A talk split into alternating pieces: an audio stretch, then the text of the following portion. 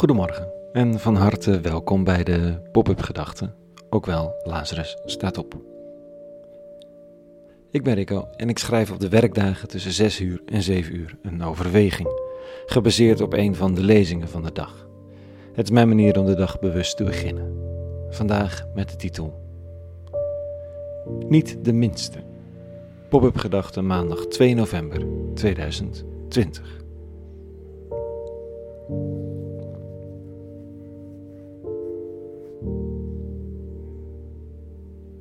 Het is maandag, eerste dag van de week. Het is hartstikke donker nog buiten en achter de ramen in de straat is nog nauwelijks beweging. De wind jaagt door de geel geworden bladeren. Het is herfst, maar nog niet guur. Een prima stukje jaargetijden. We wachten als samenleving op nieuwe coronacijfers, want zou het dan werkelijk de goede kant op gaan? En we vragen ons af, tenminste velen van ons, of we nog kerst gaan vieren met meerdere mensen, of we nog cafés zullen opengaan en hoe het gaat met het brood op de plank. Oh, en belangrijker nog, verkiezingen in de Verenigde Staten. Zou er een eind komen aan de regering van de leugen? Kunstenaars in New York hadden een muur gemaakt in de stad met 20.000 van zijn leugens. En op welke manier dan? Wat voor strijd is er, zal er zijn? Hoeveel daarvan is woorden en lucht en hoeveel daarvan is werkelijk onrustbarend voor ons allemaal? Maar de belangrijkste vraag aan ons allen, te midden van dat alles, aan het begin van de week, als de zon nog niet op is en de wind door de bomen raast.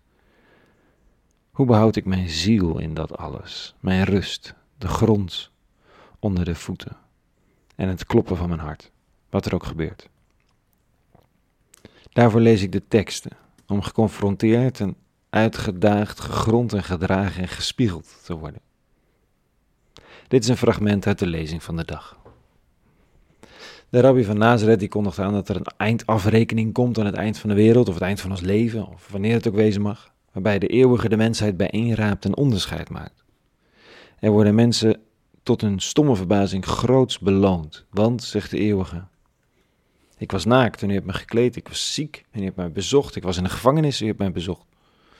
Dan zullen de rechtvaardigen hem antwoorden en zeggen, mm, heer, Wanneer hebben we u hongerig gezien en u te eten gegeven, of dorstig en u te drinken gegeven? Wanneer zagen we u als vreemdeling, hebben u opgenomen of naakt en hebben u gekleed? Wanneer zagen we u ziek of in de gevangenis en zijn u komen bezoeken?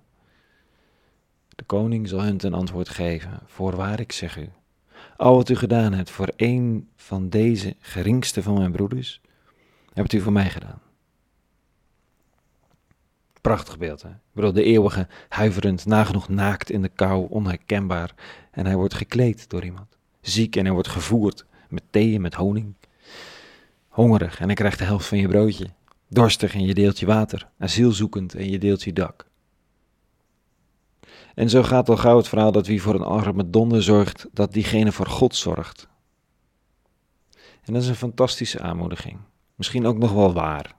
Maar of het hier staat, dat is een andere vraag. Wat u gedaan hebt voor de geringste van mijn broeders? Over wie hebben we het dan?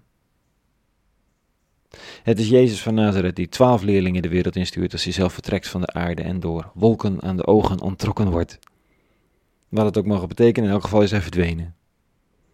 De aanwezigheid van die rabbi is dan toevertrouwd aan twaalf leerlingen. En dienst, en hun leerlingen, en daar weer leerlingen van. En tegen hen zegt de rabbi: Wie de grootste brokkenpiloot is onder jullie, de meest falende, dwarse, onhandige, minst oplettende, wie aan diegene een beker water geeft, voor mij is het alsof die aan mezelf wordt gegeven. In deze lezing wordt niet allereerst opgeroepen om voor arme donders te zorgen, dat zijn niet de minsten, maar om te beseffen dat de eeuwige zich uitgeleverd heeft aan mensenhanden en zich zo identificeert met degene die hij op pad stuurt, dat iedereen die zo iemand opzoekt in de gevangenis, de eeuwige zelf opzoekt.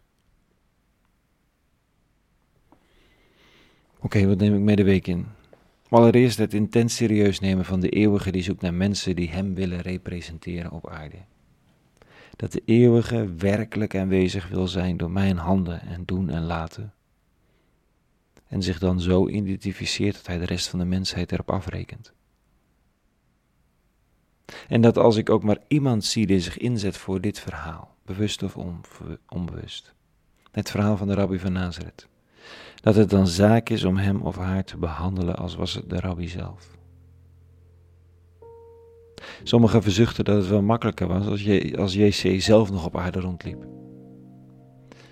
Als ik dit verhaal goed lees, doet hij dat ook, in de vorm van allerlei mensen die op pad gezonden zijn.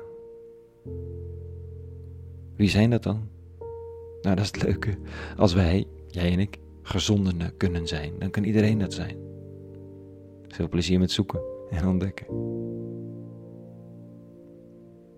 Tot zover vandaag. Een hele goede maandag gewenst. Meer pop-up gedachten te vinden op lazarusstatop.nl. En voor nu, vrede en alle goeds.